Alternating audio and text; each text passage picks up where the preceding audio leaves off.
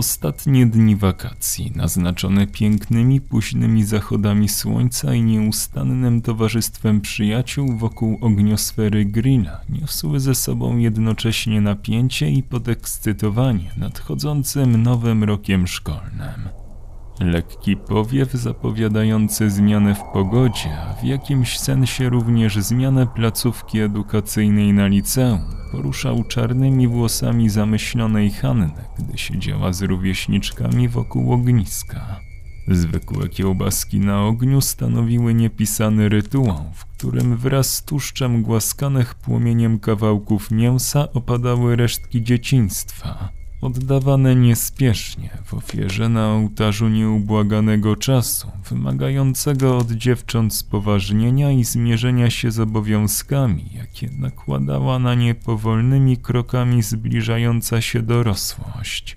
Spotkanie koleżanek było także przypieczętowaniem paktu o przyjaźni pamiątką, ku której w trudnych chwilach przyszłości będzie można bezpiecznie powrócić myślami, aby utwierdzić się w przekonaniu, że nie jest się samotnym. Głowa Hanny zajęta była jednak czymś zupełnie odmiennym. Oto bowiem napięcie związane z tym, co niechybne, a nowe, przysłonięte zostało nierozwiązaną zagadką z przeszłości.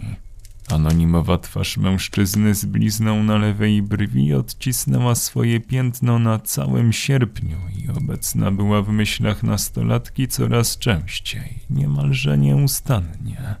Hanna interpretowała jej nagły powrót jako pewną niedomkniętą furtkę, która dała o sobie znać, skrzypiąc pod wpływem powiewu zmiany.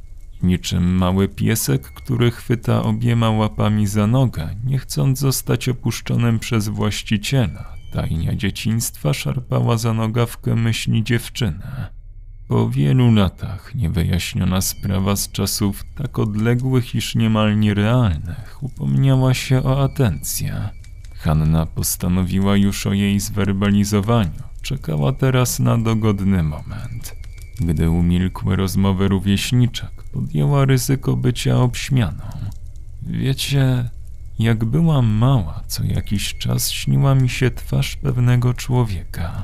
Zawsze ta sama, z charakterystyczną blizną na lewej brwi. Nie wiem, czy taki człowiek istnieje, czy gdzieś mi zapadł w pamięć, że potem często pojawiał się w moich snach, ale w tym roku znowu mi się śni. Co noc, od początku miesiąca. Koleżanki ewidentnie nie wiedziały, co na to odpowiedzieć. W końcu któraś z nich, nie chcąc pozostawić wypowiedzi Hanki bez żadnej reakcji, zaczęła wymieniać najdziwniejsze sny, jakie miała w życiu. Dziewczyny kolejno opowiadały, co szalonego im się śniło, a inne okraszały te wywody żartobliwym komentarzem. Hanna wykorzystała moment zakończenia opowiadania jednej z nich. Ale czy śniło ci się to kiedyś jeszcze? Zapytała Natalia. Nie, takie dziwactwa śnią się tylko raz, oznajmiła tamta. No widzisz, a mnie się wciąż śni ta sama twarz nieznanego mężczyzny. Czy to nie dziwniejsze od nawet najdziwniejszego snu, który przytrafia się raz? Koleżanki pokiwały głowami. To bardzo dziwaczne. Musiałaś go kiedyś widzieć, w sensie tego faceta. Co on w ogóle robi w tych snach? Stoi się na ciebie gapi? Zapytała Natalia i przeszedł ją dreszcz. Śni mi się, że jestem w wesołym miasteczku. Po opuszczeniu karuzeli zaczepia mnie jakiś facet i mnie zagaduje. Uśmiecha się do mnie. Coś do mnie mówi, ale we śnie nie słyszę co takiego. Wokół jest hałas. Idę za nim. Nie wiem dlaczego. Podchodzi do jakiejś budki i chce mi coś kupić. Ja się niecierpliwie, bawię się wstążką, bo mam we włosach czerwoną wstążkę. Gdy nie patrzy, zaczynam biec. Wodzę wzrokiem po wesołym miasteczku, wokół tłum ludzi. Wtem czuję, że mnie ktoś chwyta za rękę. To on, to ten facet. Patrzę na jego twarz, ciągnie mnie za rękę. Zbliżamy się do samochodu, kiedy w końcu udaje mi się wyrwać i znowu biegnę po wesołym miasteczku.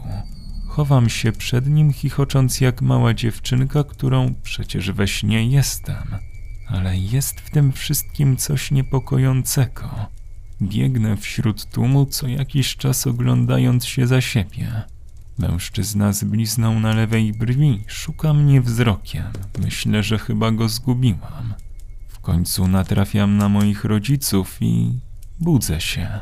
I tak za każdym razem. Dziewczyny milczały przez chwilę. Dało się słyszeć jeno trzaskanie spalanych w ognisku drewienek. Nie zdarzyło ci się kiedyś coś podobnego? Zapytała jedna z dziewcząt. Nie wiem. We śnie jestem chyba tak małym dzieckiem, że gdyby w takim wieku mi się coś przytrafiło, możliwe, żebym tego nie pamiętała. Jednocześnie to wszystko jest tak realistyczne i pełne szczegółów, że myślę, iż jest to możliwe.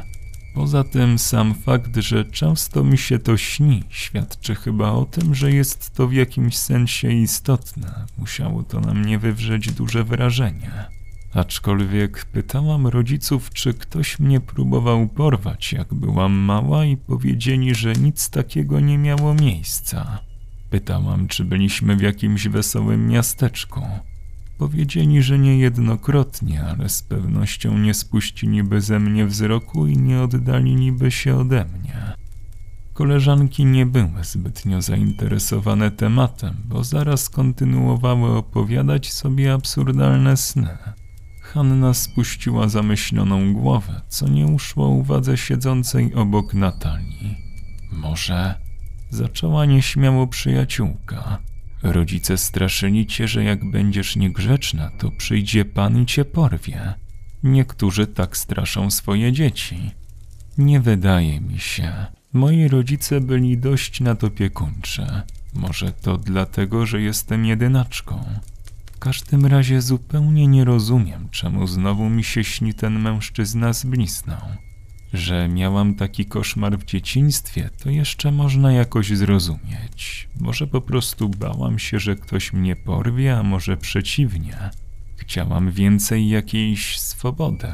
W końcu we śnie jestem mimo wszystko chichoczącą dziewczynką. Tylko dlaczego ta twarz powróciła w moich myślach? Czemu teraz? Obie nastolatki zamyśliły się. Może to stres przed liceum? Coraz bliżej dorosłości, coraz bardziej oddalasz się od rodziców, przed tobą stoi otworem świat, niczym wesołe miasteczko. Będziesz po nim chodzić bez kontroli nad opiekuńczych rodziców. Z jednej strony czujesz więc powiew wspomnianej swobody, a z drugiej obawiasz się zagrożeń. Ten facet z blizną to może personifikacja czyhających niebezpieczeństw. To tylko taka myśl, mam nadzieję, że się nie obrażasz. Nie, nie, w porządku, powiedziała Hanna. To ciekawe spostrzeżenia, tylko że ja się tego w ogóle nie boję. Bardziej mnie to ciekawi. Zajmuje moje myśli, dobija się do nich.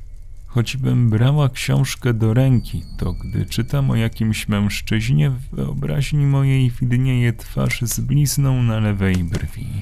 Ten facet mnie prześladuje w myślach. Może nie istnieje, a mimo to mnie prześladuje.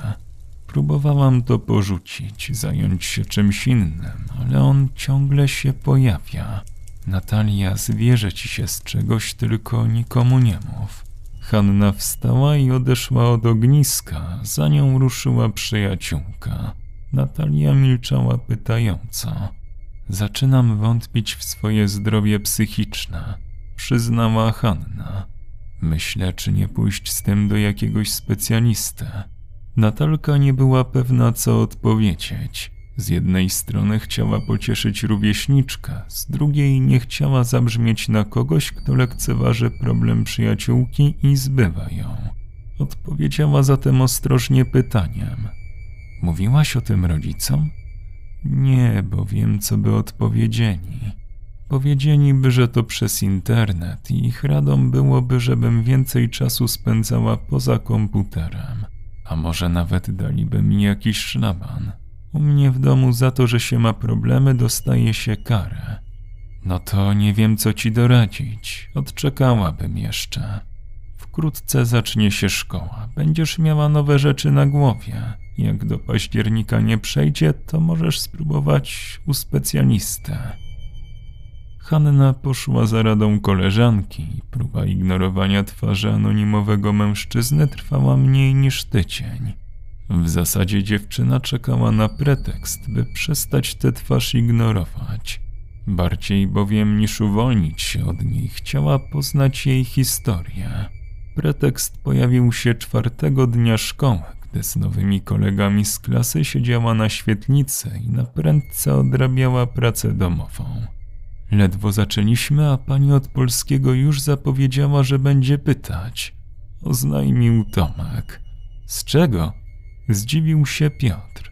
Z ostatniej lekcji, coś o tym micie o Ikarze, czy jak mu tam było? Ikar i Dedal?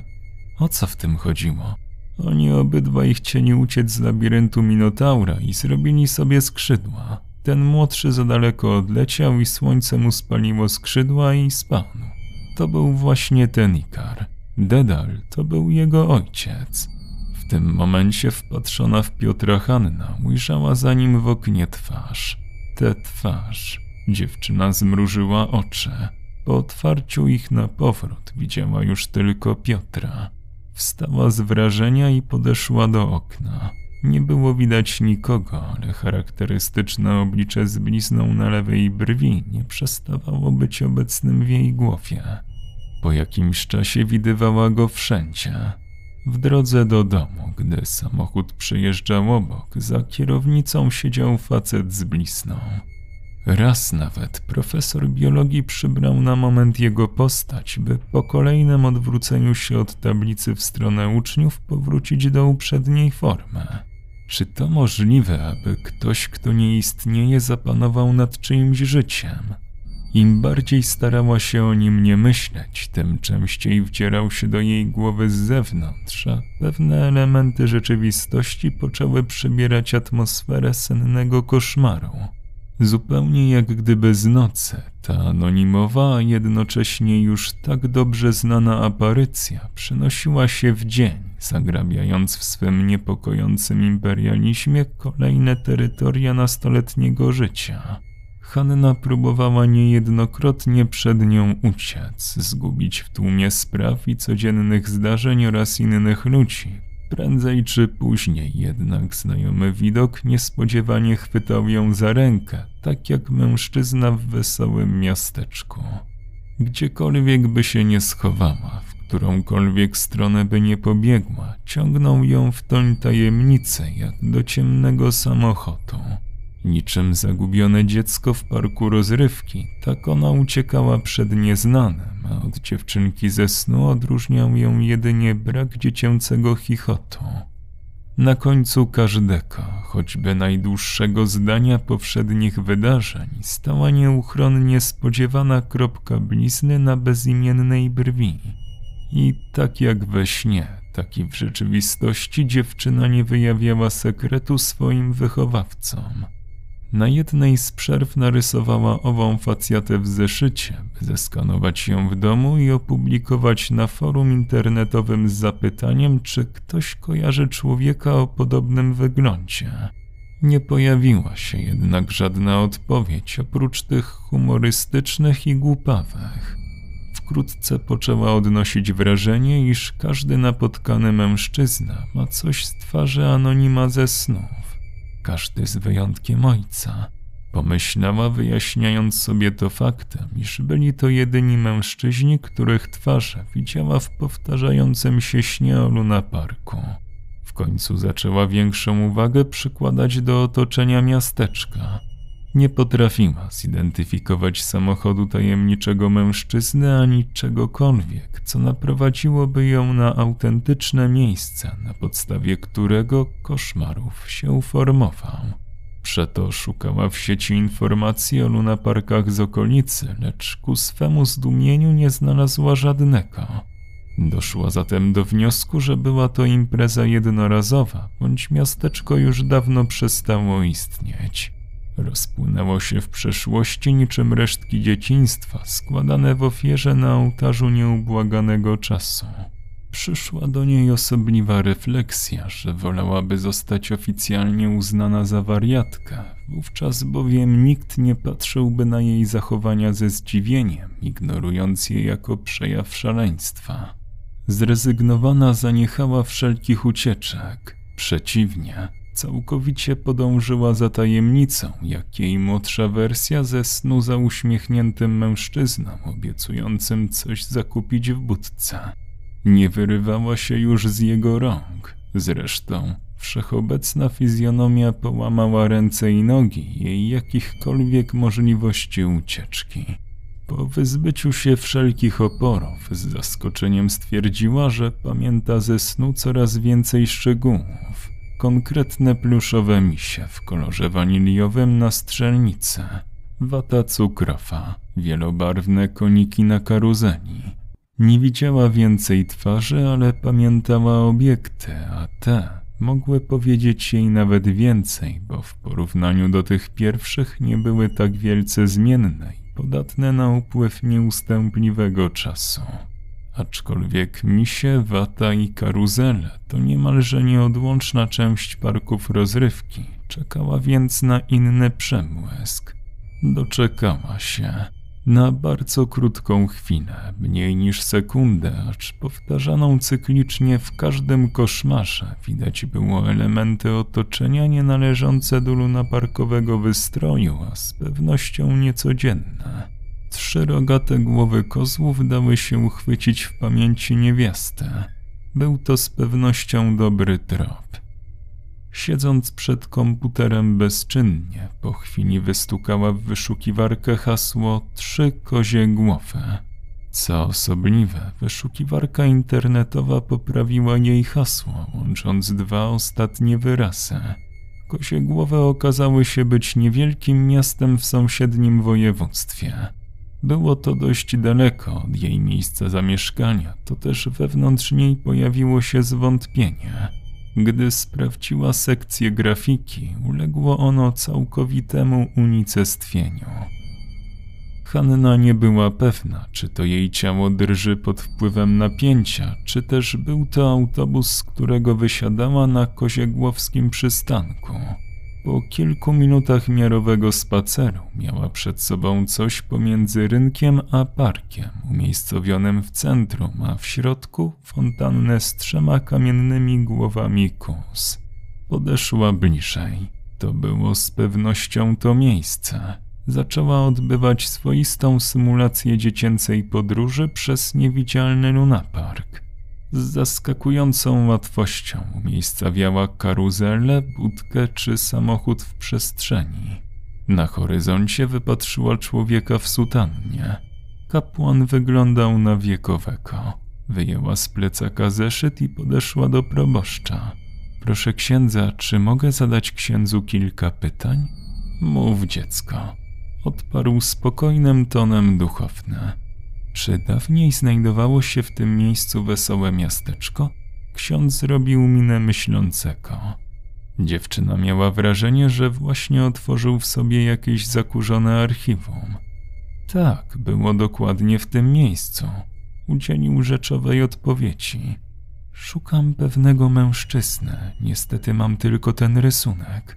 Pokazała zeszyt kapłanowi, a ten przysunął go do siebie, co niewątpliwie świadczyło o jego problemach ze wzrokiem. Czy to natokiem to kleks? Nie, to blizna. Ten człowiek miał bliznę na lewej brwi, wyjaśniło dziewczę. W oczach księdza pojawił się specyficzny błysk, podług Hanny znamionujący kolejny sukces odzianego w sutannę archiwistę. Henryk Kosodrzewiecki, wypowiedział znów rzeczowo. Gdzie go znajdę? Na te słowa kapłan niespodziewanie odwrócił się i ruszył przed siebie. To w pierwszej chwili zdumiało nastolatkę, ale sądząc, że chce ją zaprowadzić do mieszkania człowieka zagadki, podążyła w milczeniu za nim. Prawdy domyśliła się po paru minutach, gdy proboszcz ją zbliżać się do wejścia na cmentarz. Hanna wciąż milczała i w końcu przystanęła obok księdza, zatrzymującego się przed jednym z grobów. Oddał ciało w depozyt ziemi, ale spokojnie. Prędzej czy później zmartwychwstanie, powiedział kapłan. Bóg zapłać, odrzekła cicho Hanna i ze zdziwieniem graniczącym z szokiem spostrzegła, iż widniejąca na nagrobku data śmierci to pierwszy dzień sierpnia tego roku. Miejska Biblioteka Publiczna robiła wrażenie pełnej informacji, choć prawdopodobnie nie w większym stopniu aniżeli wewnętrzne archiwum spotkanego kwadrans temu proboszcza. Przeglądając stare numery lokalnej gazety, Hanna już na początku znalazła odpowiedni nekrolog. Henryk Kosodrzewiecki zmarł na zawał serca, lecz nie było żadnych danych o jego rodzinie, z czego czytelniczka skonstatowała, iż był samotnikiem albo wdowcem. Zbliżało się późne popołudnie, lecz bibliotekarka okazała się być bardzo miłą kobietą i specjalnie dla przybyłej z daleka Hanny została dłużej w pracy. Dziewczyna tymczasem przeglądała coraz starsze gazety, szukając jakichkolwiek informacji o nieboszczyku. Gdy zrezygnowana, miała już podziękować pani bibliotekarce za cierpliwość, wpadła jej do głowy dziwna myśl. Wiedziona jakimś bliżej nieokreślonym wrażeniem, poprosiła kobietę o gazety z lat, w których mogła być w wieku dziewczynki z Luna Parku, to jest w swojej młodszej wersji. Otrzymała je i zaczęła pospiesznie przewracać stronę. Zatrzymywała się jedynie na nagłówkach i zdjęciach, szczególną uwagę przykładając do ogłoszeń. Po którymś egzemplarzu z kolei spostrzegła, że powtarza się zdjęcie twarzy małego dziecka. Treść ogłoszenia zmroziła jej krew w żyłach. Katarzyna Kosodrzewiecka, lat siedem, na zdjęciu w wieku sześciu lat, zaginiona prawdopodobnie porwana. Jeśli ktoś ją zauważy, prosimy zawiadomić policję bądź ojca dziewczynki, Henryka Kosodrzewieckiego. Przewidziana nagroda. Pod ogłoszeniem podano adres i numer telefonu. Bardziej jednak uwagę dziewczęcia przykuła czerwona wstążka we włosach sfotografowanego dziecka. Autor opowiadania Michał Sprytus Waligura czytał Kwadrates. Koniecznie zapoznajcie się z blogiem autora. Link w przypiętym komentarzu. Osoby wspierające powstawanie nowych treści to Kalusia, Syrenka Ladacznica, Brutal Drop, Sebastian Król, Gregorikos, Lucky Gusi, Mateusz Z, Wiktor Walczak, Bartek Koziara, Alastor, Wojti 262, Milky Rainbow, Magdalena H., Near Death, Tomasz Kowalewski, Robert Siwek, Krzysztof Kozak-Ślęsak, Stary Trześwe, Invertain, Kamil Olek, I Will Make You Tea, Dominik Polak oraz Memc. Do usłyszenia.